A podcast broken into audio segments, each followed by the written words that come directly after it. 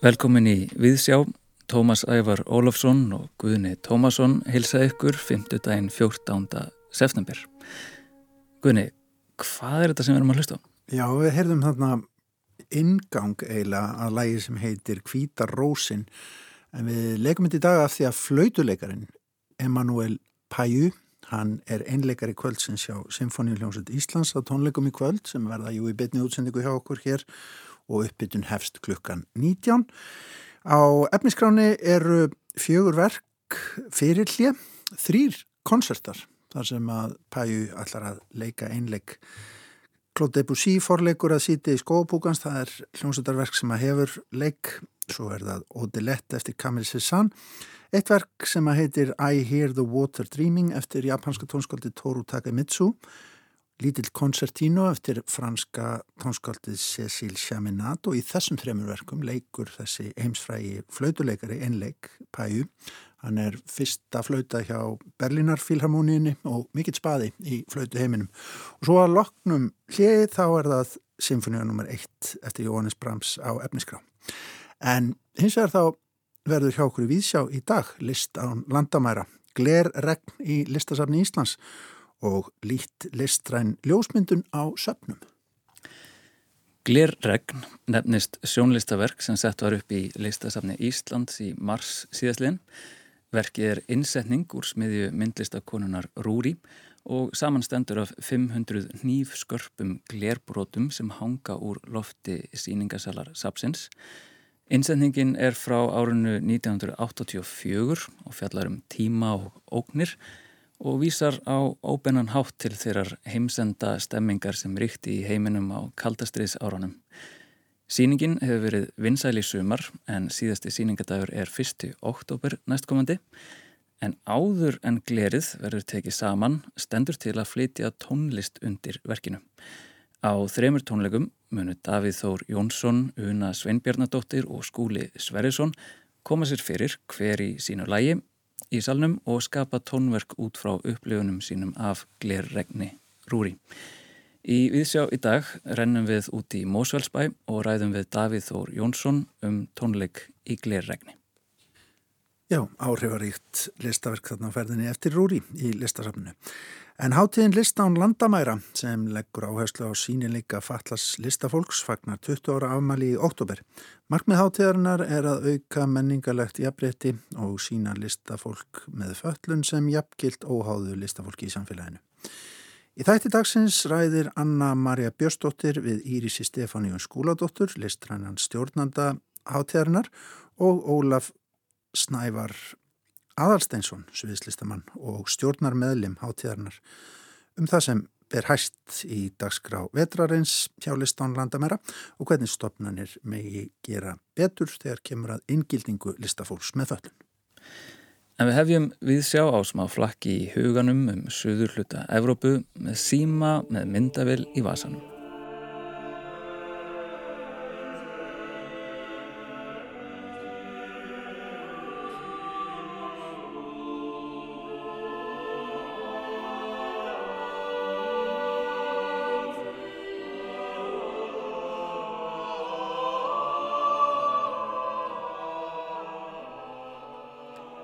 Í litlum gardi sem heitir Arena garðurinn og kvílir í miðborg ítölsku borgarinnar Padua leynist Skrovenji kapellan svo kallaða.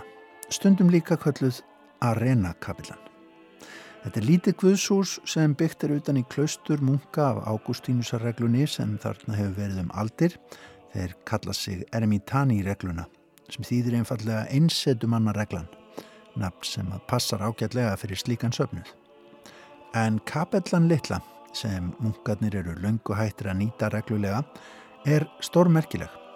Á útveikjum þessa litla rýmis er nefnilega að finna einhverja merkilegustu myndlist vestrætnar listasögu, freskur eftir listmálaran Giotto di Bondone sem hann lauk við að mála árið 1305. En það var ekki fyrir hann í hitti fyrra árið 2021 sem kapellan komst inn á heimsminjaskrá UNESCO á samt átta öðrum sögulegum byggingum í miðborg Padua.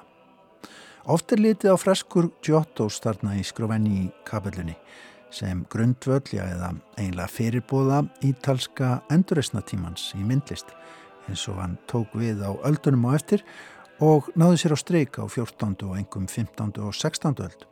Beina áhrif myndana og þróun freskumálverka og ítalska skaganum merkja fræðimenn í að minnstakosti heila öld eftir tilkomið þeirra. Frásagnarlist myndana er heillandi enn í dag.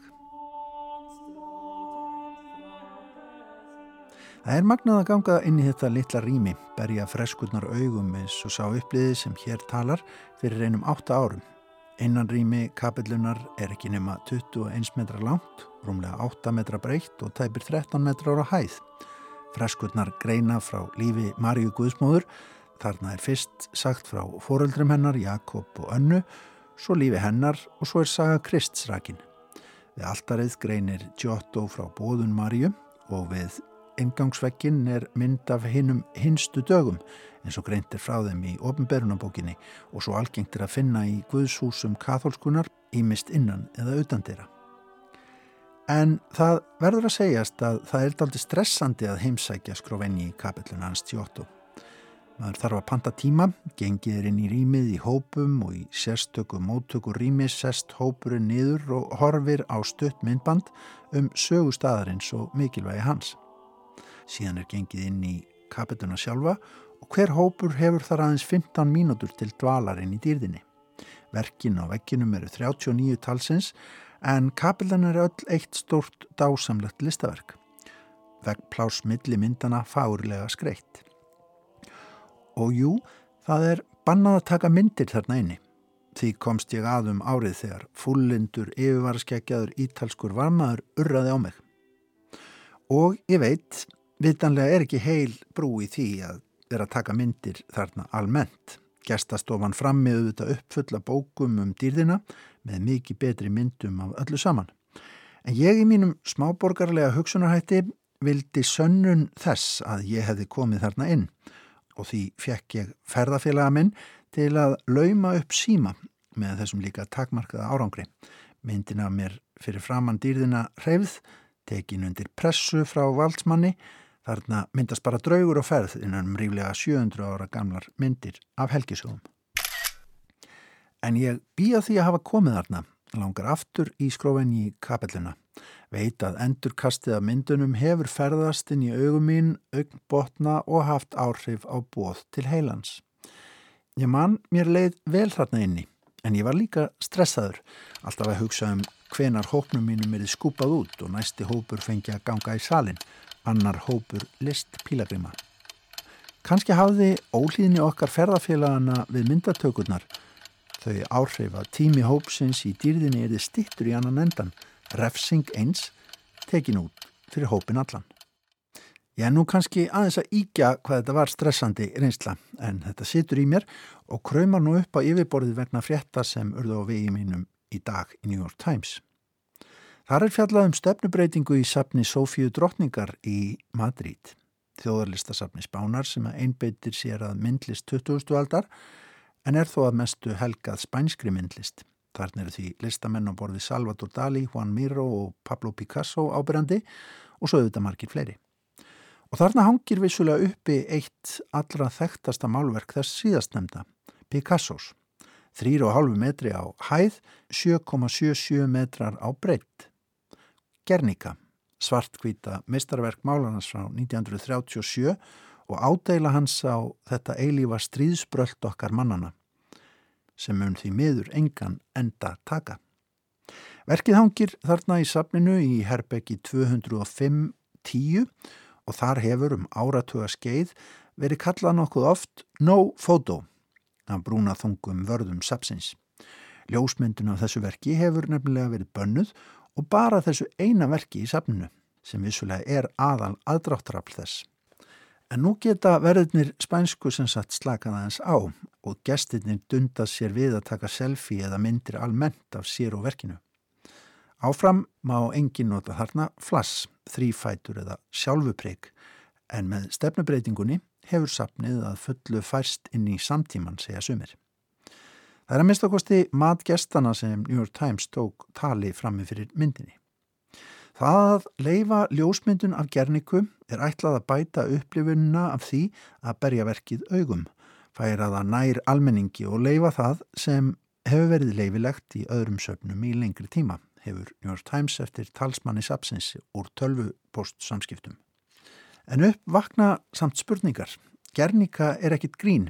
Efniviður hennar er viðkvæmar en gerist og gengur í myndlist. Sögulegur þungi hennar meiri.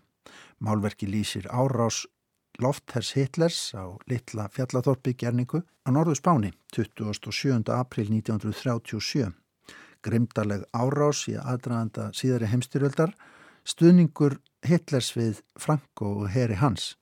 Árás á bæ með ekkert hernaðarlegt mikilvægi og fyrsta loftarós hernaðarsögunar á almenna borgara.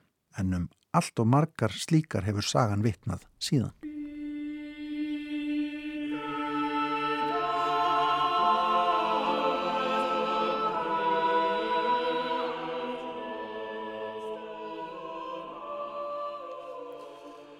En nú standa þarna allir með síman upp í loftið fyrir framann verkið snúa oft baki í það rétt á meðan þeir taka af sér mynd með því, brosa í linsuna með hryllingin í bakgrunni, þessa áminningu um grimdina sem mannskjafnan getur búið yfir. Þarna eru andlitinn sem æpa upp í eldfylltan heiminin, hesturinn sem engist um í miðri mynd og augað enkenlega efsta á myndfletinum fyrir miðju. Sprengjan sem að lýsir upp myndflötin eða ripnar yfir dýrum og mönnum. Stendum að bara hress frammi fyrir svona málverki og tekur af sér mynd. Sá sem hér talar tekur slatta af myndum af listaverkum á söpnum. En af hverju? Ég veit að ég er ekki alveg. Jú, ég deili stundum slíkum myndum á samfélagsmiðlum og mér hefur verið þakkað fyrir það uppáttæki að leifa fólki að fylgjast með ferðum mínum, hvaða smáadriði í verkum vekja aðtiklina og svo framvegis. Sjálfur fer ég nánast aldrei yfir slíkar myndir eftir á. Þetta er ekki minnisatriði sem sagt. Ég fletti þeim ekki upp þegar heimur ferðalagi er komið til dæmis. Ég reyfi ekki upp síðar meir hvaða myndlist heitlaði mig á móternasafninu í Stokkólmi í sumar eða á kliptotekinu í Kaupmannhöfni fyrra, svo dæmi séu nefnd. Og já, ekki mynd úr skruvenni í kapellinni í Padua. Ég eitti þeirri hrefðu. Það er einlega bara í núinu sem slík ljósmyndun skiptir mann einhverju máli.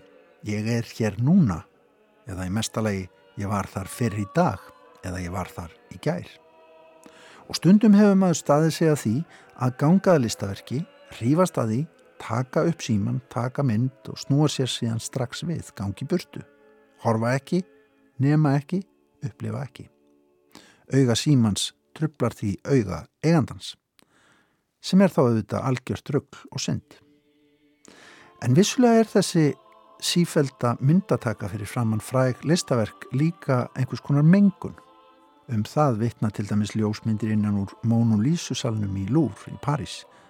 Það sem konan með óræða svipin kvílir bak við skothelt gler langt frá gestum sapsins sem að hrúast saman með símanu sína á lofti til að ná af henni mynd. Einn viðmælandi bladamanna New York Times í greininni, þeirra Francesco Melendez og Kathleen Massara, orðar áhugjur sem upphafa komið svo að söpn verði ekki bara áhugaverður bakgrunnur fólks í leiterað hinnu fullkomna Instagram lífi. Stafræn personmanns er jú vissulega önnur en svo í raunheimum og stundum erfitt að ná samhengi eða heilbriðum balans þar á milli, ekki satt. Kannast ekki einhverju hlustendur við þetta. Annar viðmælandi blaðsins segir að söp megi ekki vera staðnaðar risaðilur í samtímanum. Það er þörfi að fylgja kröfum samtímans og símiðlun mynda sér hluti þeirra krafna.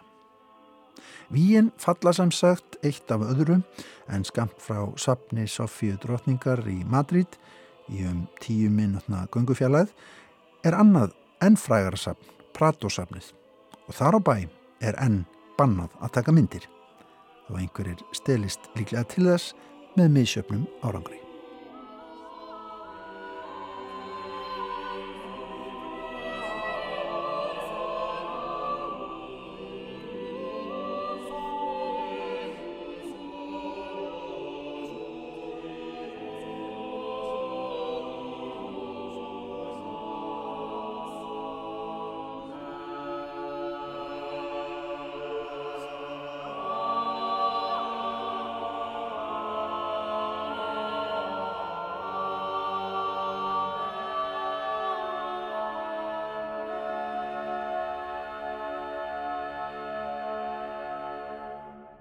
Tónlist eftir spænska endurreysna tónskaldið Kristobal Morales hljómaði hér Afi Maris Stella, sálmur til engaður Maríu Guðsmóður. Hér var það Kamekórin Ensemble Plus Ultra sem að söng undir stjórn Michaels Nún. Þá ætlum við að huga að landamærum. Anna Maria Björnsdóttir tekur nú við. Háttín listan landamæra sem leggur áherslu á sínilega fallas fólks fagnar nú 20 ára ammali í oktober. Hún Íri Stefania Skúladóttir, listrætt stjórnandi háttíðarinnar, er mættinga til mín og ætlar að segja græðans betur frá háttíðinni. Á samtenni er Ólafur Snævar Aðalsteinsson. Velkomin. Takk, takk. Ef við kannski byrjum bara á útskýðans fyrir hlustundum, hvað er listan landamæra? Já, listan landamæra er listaháttíð sem að um, gefur listafólki með föllun háttundur höfði og við erum svona að reyna að brúa bila á milli samfélagshópa og staðan er þannig að við, að við því miður gerum svolítið upp á milli fólks og uh, meðal annars út frá föllun og, og, hérna, og fleira eins og við vitum.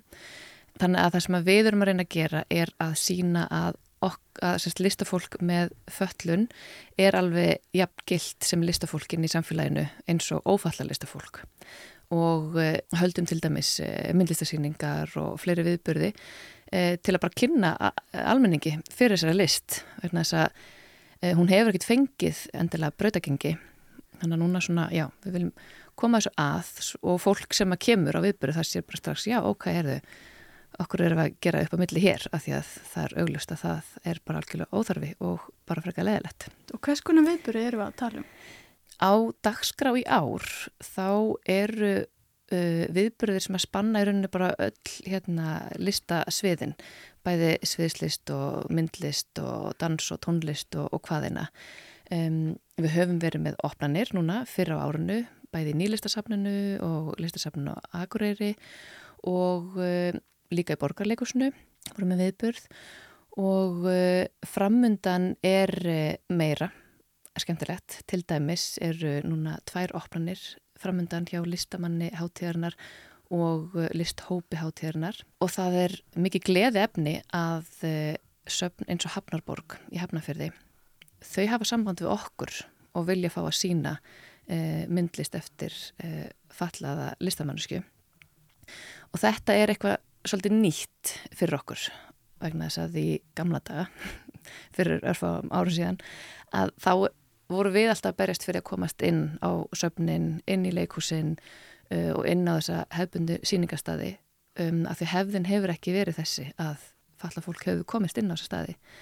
En uh, núna eftir að fólk er svona að fara að fatta þetta að þá eru staðnir farin að sækja til okkar sem er mikið gleð efni og hún aldis upp í Hafnaborg til dæmis herði okkur og sagði endilega vilja sína uh, engasýningu listamannuski hátíðarnir ár og fyrir varlega var uh, hann Sindri Plóter þannig hann er að fara að opna síninguna sína í uh, Hafnaborg og svo er listhópur um, hátíðarnar í ár sem er listahópur hlutverkasetturs.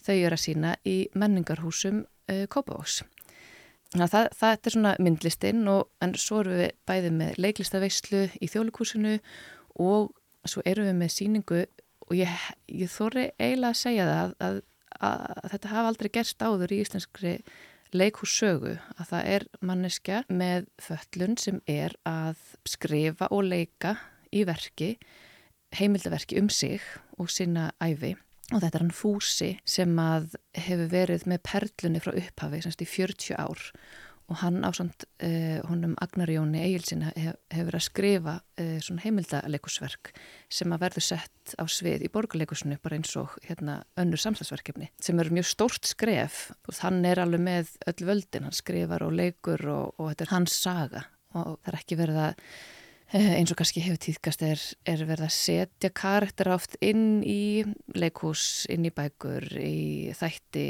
sem að representera bara einhvern hóp þú ert þarna inni sem samkynnaði manneskjan eða sem manneskjan með lita hérna, hörund eða, eða með föllun og þá ertu bara einhvern veginn að tala fyrir einhvern hóp sem er einhver staður svo ótrúlega skakt að því að þá við að gera ráð fyrir að allir einstaklingar innan þessa hóps erum sömu rödd sem að er bara ekki, þetta væri eins og segja að, að allir gagginir hugsa eins og allir ófallaðir eru með hérna þú veist, halda með saman fókballiður eða eitthvað Um, þannig að þarna eru að sjá eitthvað nýtt þar sem að hann fúsi fær að segja sína sögu með sínum orðum og þetta er mjög spennandi. Já, virkilega. Veistu mm -hmm. hvernig þetta mun fara á svið? Já, það veit ég. Þetta verk fyrir á svið 17. november er frumsynning í borgarleikusinu. Fúsi, aldur og fyrir störf heitir þetta verk og, og það eru ekki lagari leikarar með honum en e, Haldur Geirastóttir og Vala Kristín Eriksdóttir. Þannig að þetta verður algjör negla.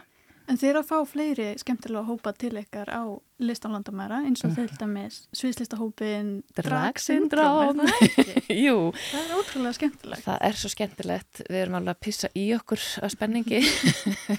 Um, Þetta er hópu sem við erum svona, já, búin að vera að slefa yfir í, í nokkur ár og uh, ákveðum bara svona prófa að senda þeim línu og tjekka bara, eru þið til að koma? Og þau segja bara já og uh, nú erum við bara að undurbúa komið þeirra koma í oktober og eins og segi við bara, við höldum ekki vatni. Þetta, er, þetta verður algjör veisla. Kanski fyrir þau sem ekki vita þá er þetta uh, hópur fólks með Down syndrom sem kemur fram í drag Já, akkurat, jú. Jú. Þetta er dragdrottningar og dragkongar sem eiga það samanlegt að vera með Down syndrom og, eh, og markmið þeirra er svolítið bara, já, bara svolítið svipað og hátíðarar okkar, listan landamæra að sína bara að þú getur verið fullgildur einstaklingur í samfélaginu og áttir hérna ástriðu mál og, og hérna og bara svona innihaldsríkt og flott líf og verið með föllun.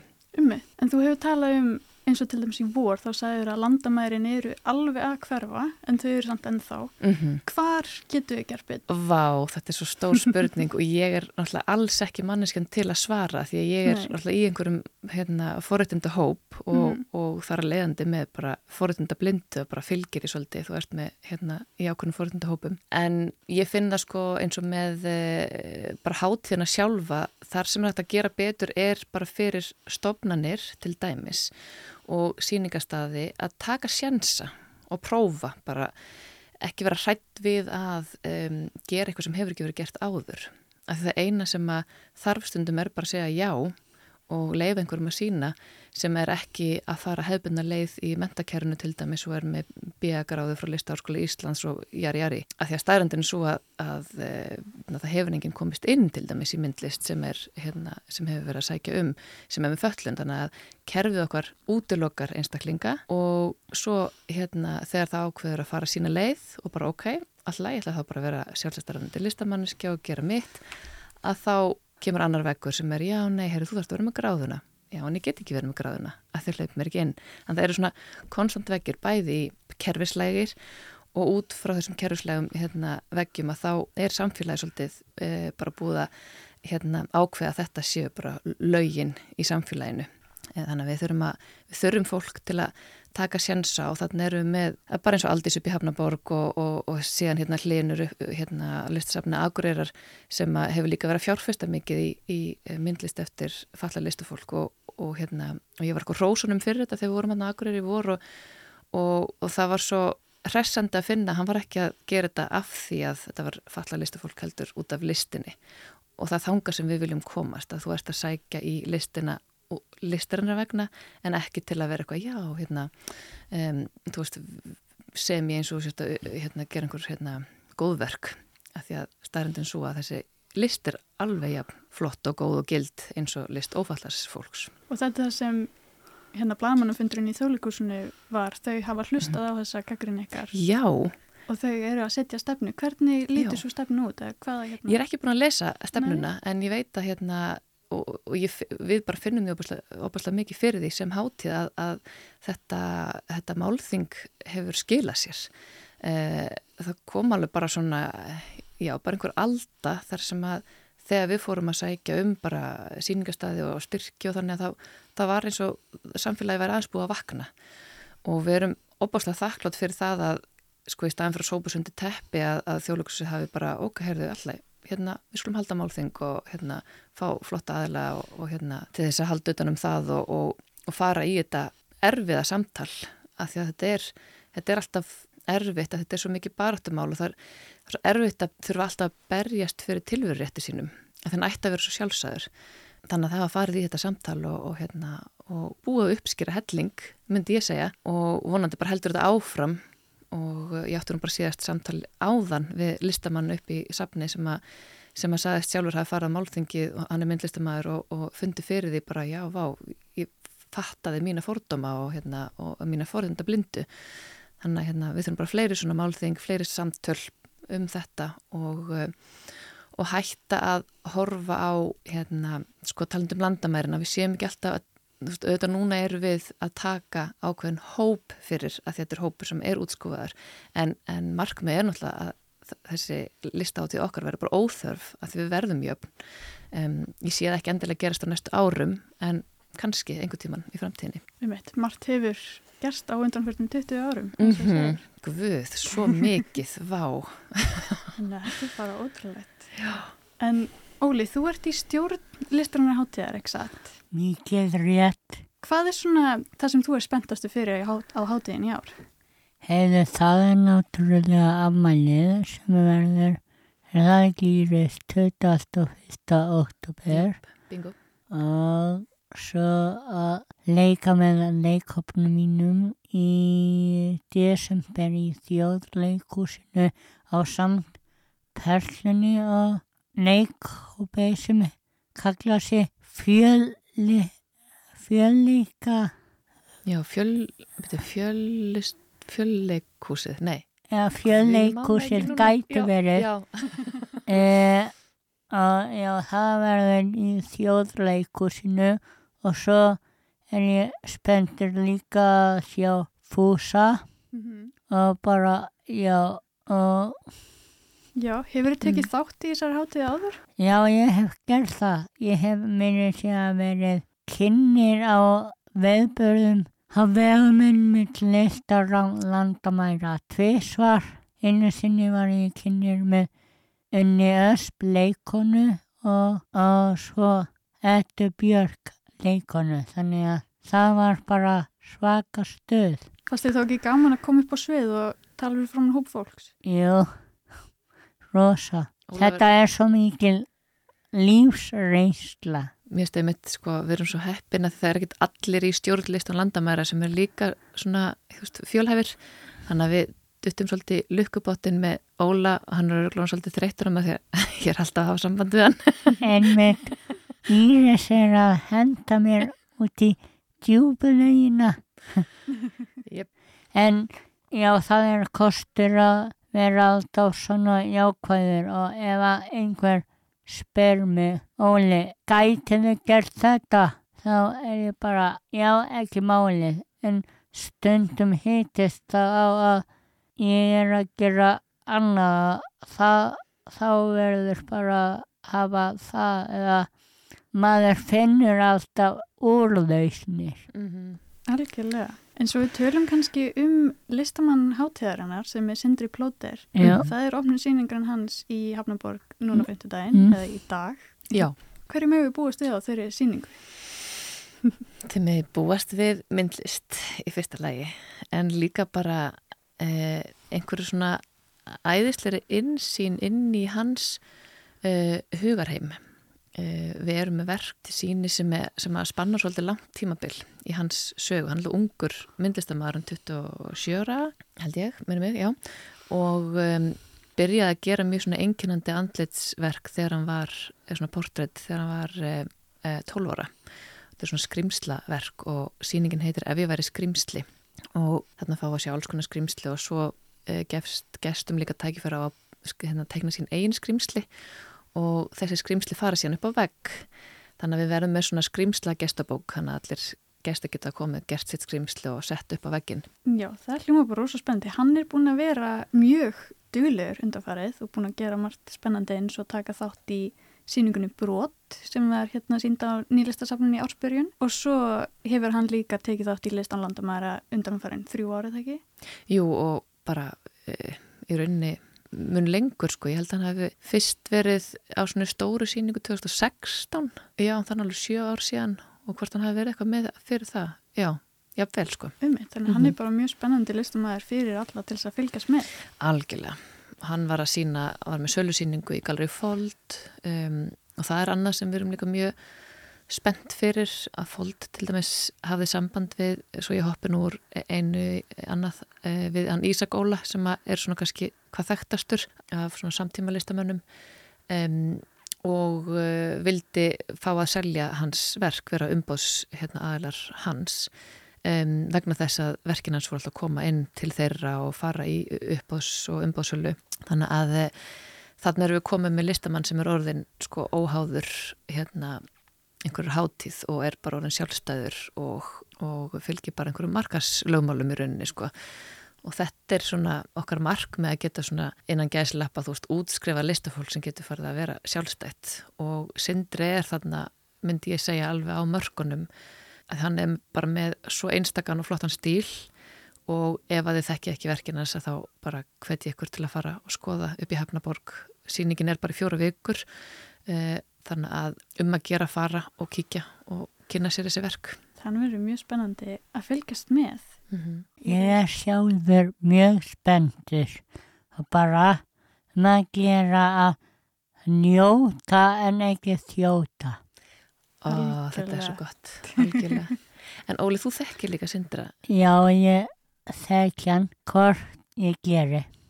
Já, hefur þú verið að gera skrimslamindir líka með honum? Nei, reyndar ekki. Hann er bara vinur minn sem ég kynntist. Við vorum eiginlega að vinna saman. Þannig kynntist ég honum. Mjög góður og flottur strókur. Mm -hmm. Óli er líka meira, myndur ekki segja að þú væri meira, þú veist, meira í svona sviðslista, performance og dansi?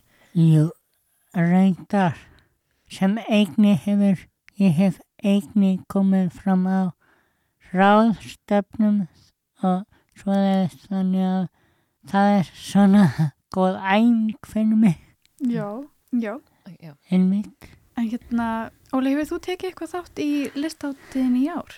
Já, við vorum með spennandi dagskrá á menninganót uh, í ágúst og ég var meiri sé að fengið til að halda utanum svona danssisting sem lögkaðist bara mjög vel. Og voru þar mikið fólki að dansa saman? Já, eiginlega var mynduð svona röð sem breytist hvað í ring mm. og ég leiti nokkra dansa og þau bara fólkið dansaði með mér, bara tók þátt og já þetta var alveg super gaman. Mm -hmm. Það var styrlað stuð, ég var hérna í áhörndahópnum og bara öll hérna gleði hormónin bara röku upp og uh, bara í kjölfarið þá ákvaðum við að Óli myndi sjá um dansparti í amalinn okkar þegar Dragsyndrom kemur til landsins þá verður dagskráin cirka svona að Óli verður með dansparti eh, Dragsyndrom verður með síningu Pál Óskar tekur lög hún Embla Ágústóttir eh, performerar. Um, þannig að það verður bara svona við viljum ekki að sleppa öllum leiðilegum ræðum og bara Já. beint í amalsöngin, konfetti og stuð. Við ákváðum það á senasta fundi. Já. Leiðinlegar ræður. Nei takk. Nei takk Meira dans, meira stuð. Ja. Það verður ótrúlega skemmtilegt og við hvetjum bara alla til þess að mæta. Mm -hmm. Hvar verður ammælispartið? Í Hafnaportinu sem er gamla kólaportið mm -hmm. Það er svona stort og ráttur rými og já, það er alltaf að breyta bara rýmunni í partístuð eh, hús. Bara partibúli Nákvæmlega. En hefði, þakka ykkur kærlega fyrir komuna Ólafur og Íris og Takk. við fylgjum Takk. spennt með. Yes. Takk fyrir okkur. Takk. Það var Anna Maria Björnsdóttir sem rætti hér við Írisi Stefáníu Skúladóttur og Ólaf Snævar Aðalsteinsson um háttíðina list án landamæra. En þá höldum við upp í Móselsbæ.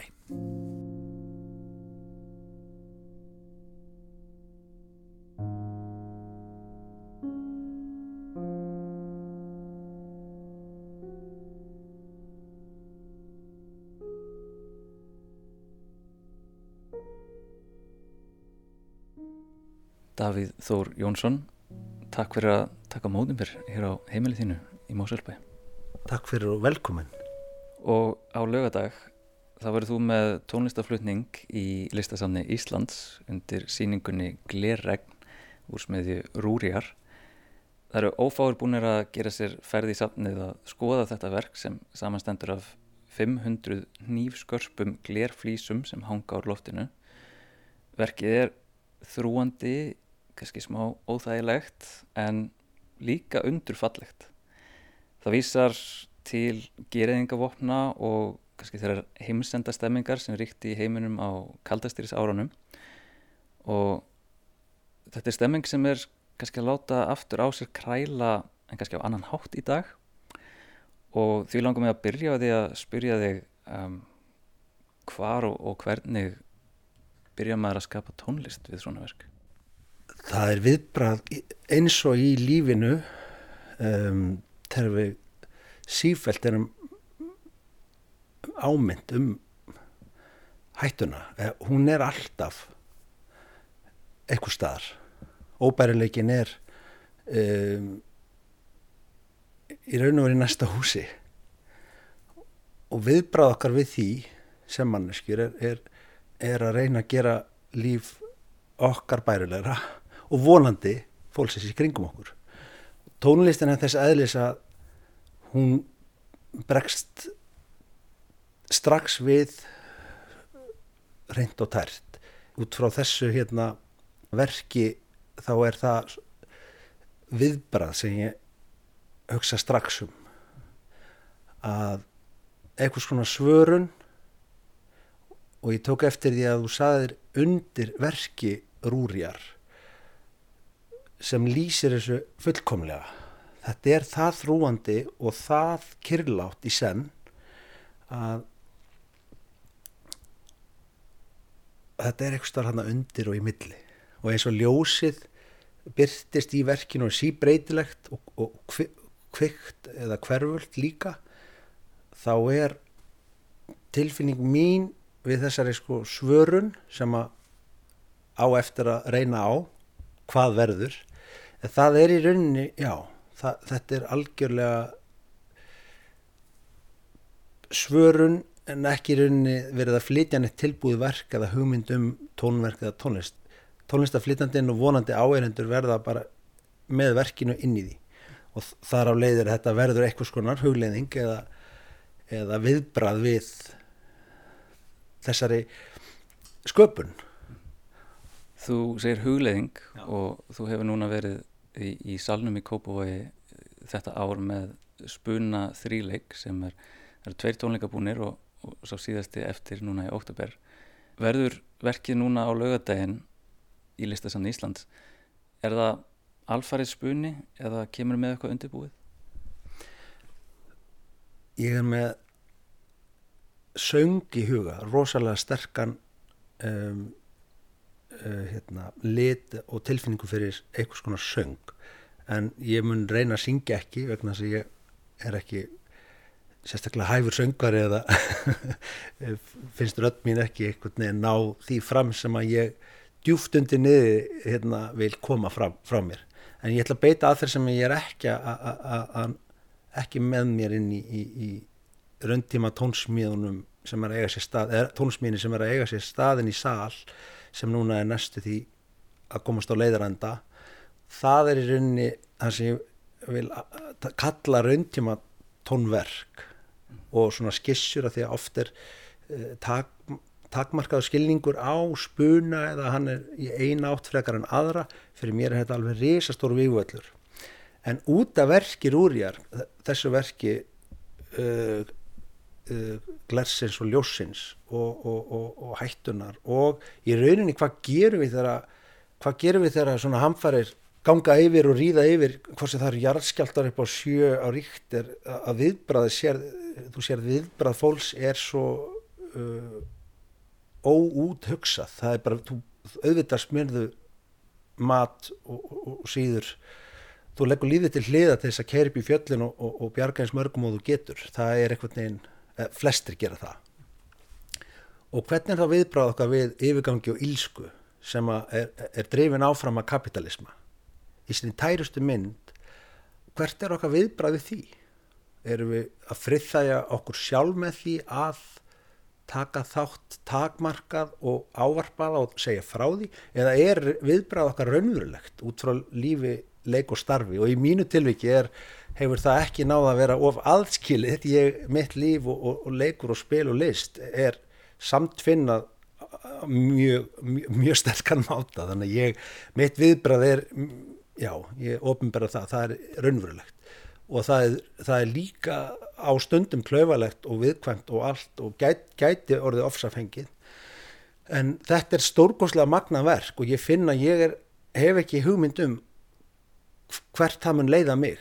Og, það, og sannarlega er, er ég mjög meðvitaður um alltaf um ílsku og yfirgang heimsins eða yfirgang eh, abla í heiminum en ég er ekki ég læta ekki heldtaka mig og, og, og ná yfir hugsanarferðla mína vegna þess að lífið stutt og við þurfum að gera eins mikið gott og við getum fyrir heiminn. Og það getur stundum krafist hugryggis en þetta er líka ákveðin heiður og uppalega var hugmyndin komin frá Ingi Björgu ný Víðum Sapstjóra listasafninu og fyrstu viðbröðum mín þegar hún leitaði til mín var að að mér fannst verkið svo fallet og þessi þögn, þessi þrúandi þögn að standa meðal gler, hvað kallaður það? Flekana eða?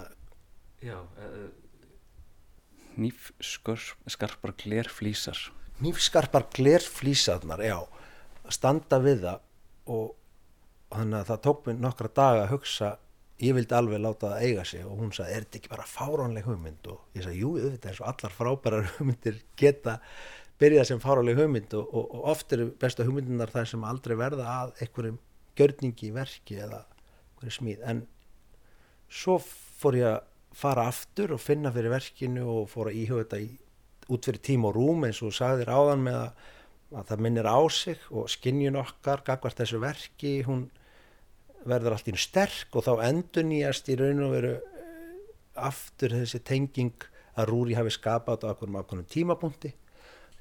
Og sem sagt hugmyndin með þetta að gera var bæði sterk fyrir mig að ég fann allt í hennu hvern með langaði að fá og hugsaði strax til uh, skólasverðisunar og Unu Sveinbjörndóttir sem eru tónlistafólk uh, sem að munu síðan líka koma og vera í þessu samtali þessu svörun við verkinu. Og það er mjög ólíkir heimar í, í, í hljóði og tónmáli sem að munur skapast held ég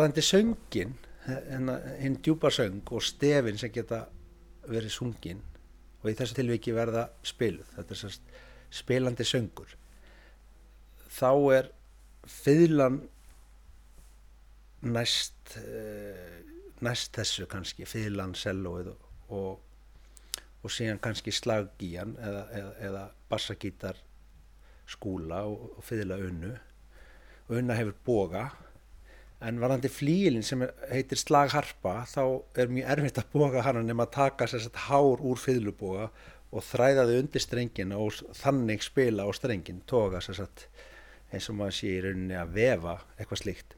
En það er til önnur aðferð, lítil aðferð sem að hægt er að notast við svona rafsegulskaut. Það er tæki sem heitir e-bow eða electric bow sem er eins og rafbói og ég prófa það gegnum tíðuna, ekki nýverið en fyrir svona 20 árum þá var ég mikið að hugsa um tilbúning og, og, og preparasjónir eða undirbúið í píjano hvað fælst í því? Að nota halda áfram með þetta sem að menn byrjuði að gera, að leggja bækur honni og, og já, það er alveg heil, heil heimur það er alveg heil heimur út af fyrir sig. En það, ég var hins vegar svo heitlaður af söng hljóðfæriðsins sem að að því að þú slær nótu og slagur og hún fær að lifa og svo nær hún endastöð, hún, hún hættir að syngja. En ef ég nota íbó þá get ég sungið að eilífu. Ég get sungið bara nótunum þangar til að ég lifti eh, bóganum af eða lætt petalinn e, demparan loka fyrir nótuna, stöðvana þannig ég fann stert fyrir því að það, það er eitthvað sem mig langar að það er strax bara náttúrulega svörun mín að finna leið að þessum söng.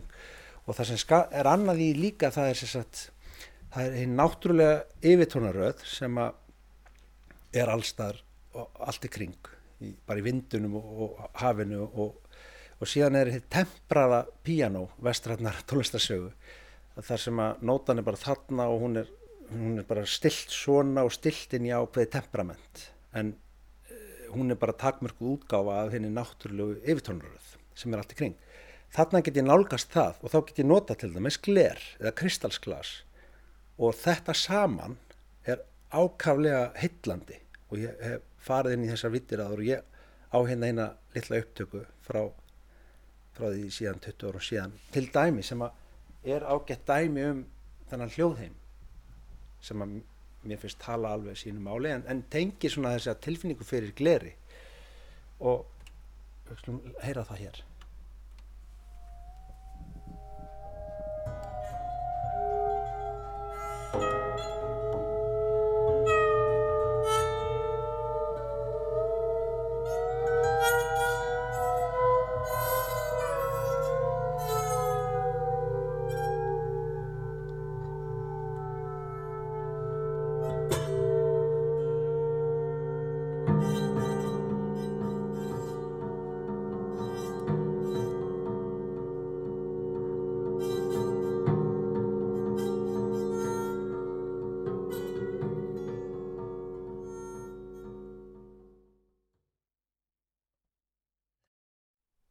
langaði bara að spyrja þér svona, já, að lókum kannski um, ertu svart sín á örlög heimsins?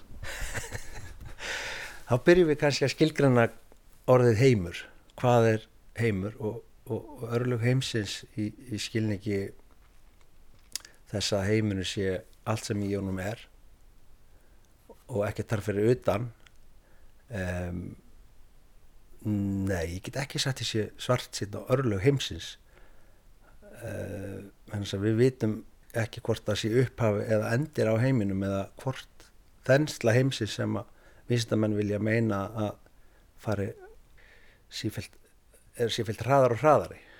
Þýðir það að það muni nái e, þenslan og, og spanið sem er sífælt að aukast muni ná endapunkti og eins og þá í árstíðunum og, og muni þá það taka enda og munið þetta síðan dragast saman og munið þetta síðan allt ganga tilbaka og verða að einum punkti upp og ný og hefast aftur. Þetta er, þetta er na, mjög áhafur spurningum þegar þú segir heimur við erum náttúrulega bara við erum alheimur og allt sem í honum er í senn.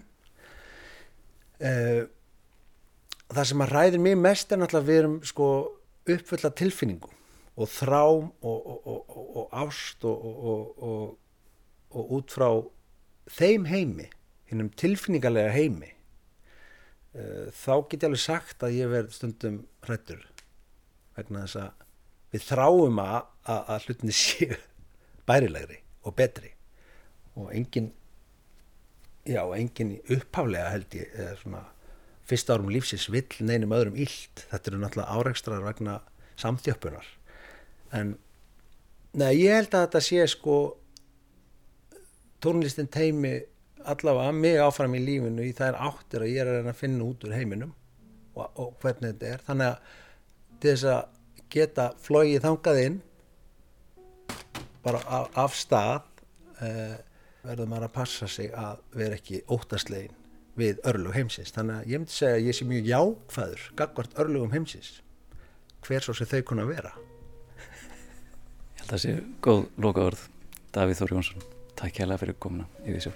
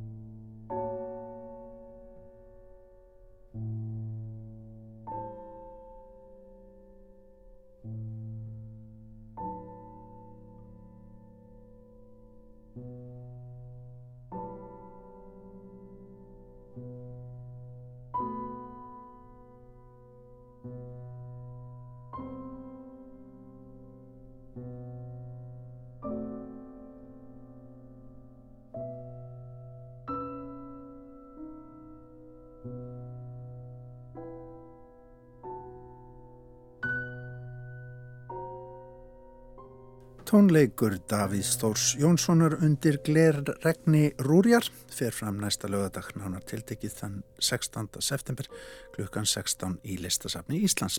Una Sveinbjörndóttir mun einnig leika undir beittum glerflísunum þann 23. september og síðan Skúli Sverrisson 30. september. Og það er hér sem við sjá strandar þennan 50 daginn Við minnum á úrvalsþáttinn á sunnudag klukkan 2 en við sjáum á einnig nálgast öllum stundum í spilara Rúf og öllum helstu hlaðvarpsveitum. Við Tómas Ævar Ólarsson og Guðni Tómasson þökkum fyrir okkur í dag. Tæknimaður var Magnús Þorstein Magnússon. En hér er hins vegar farin að hljóma tónlist eftir Claude Debussy sem er einmitt á efnisgrá kvöldsins. Þetta er Sýrings, einlegsverk fyrir flautu. Það er einmitt einleikari kvöldsins hjá Symfóni Hljónst Íslands, Emanuel Pæju sem að leikur.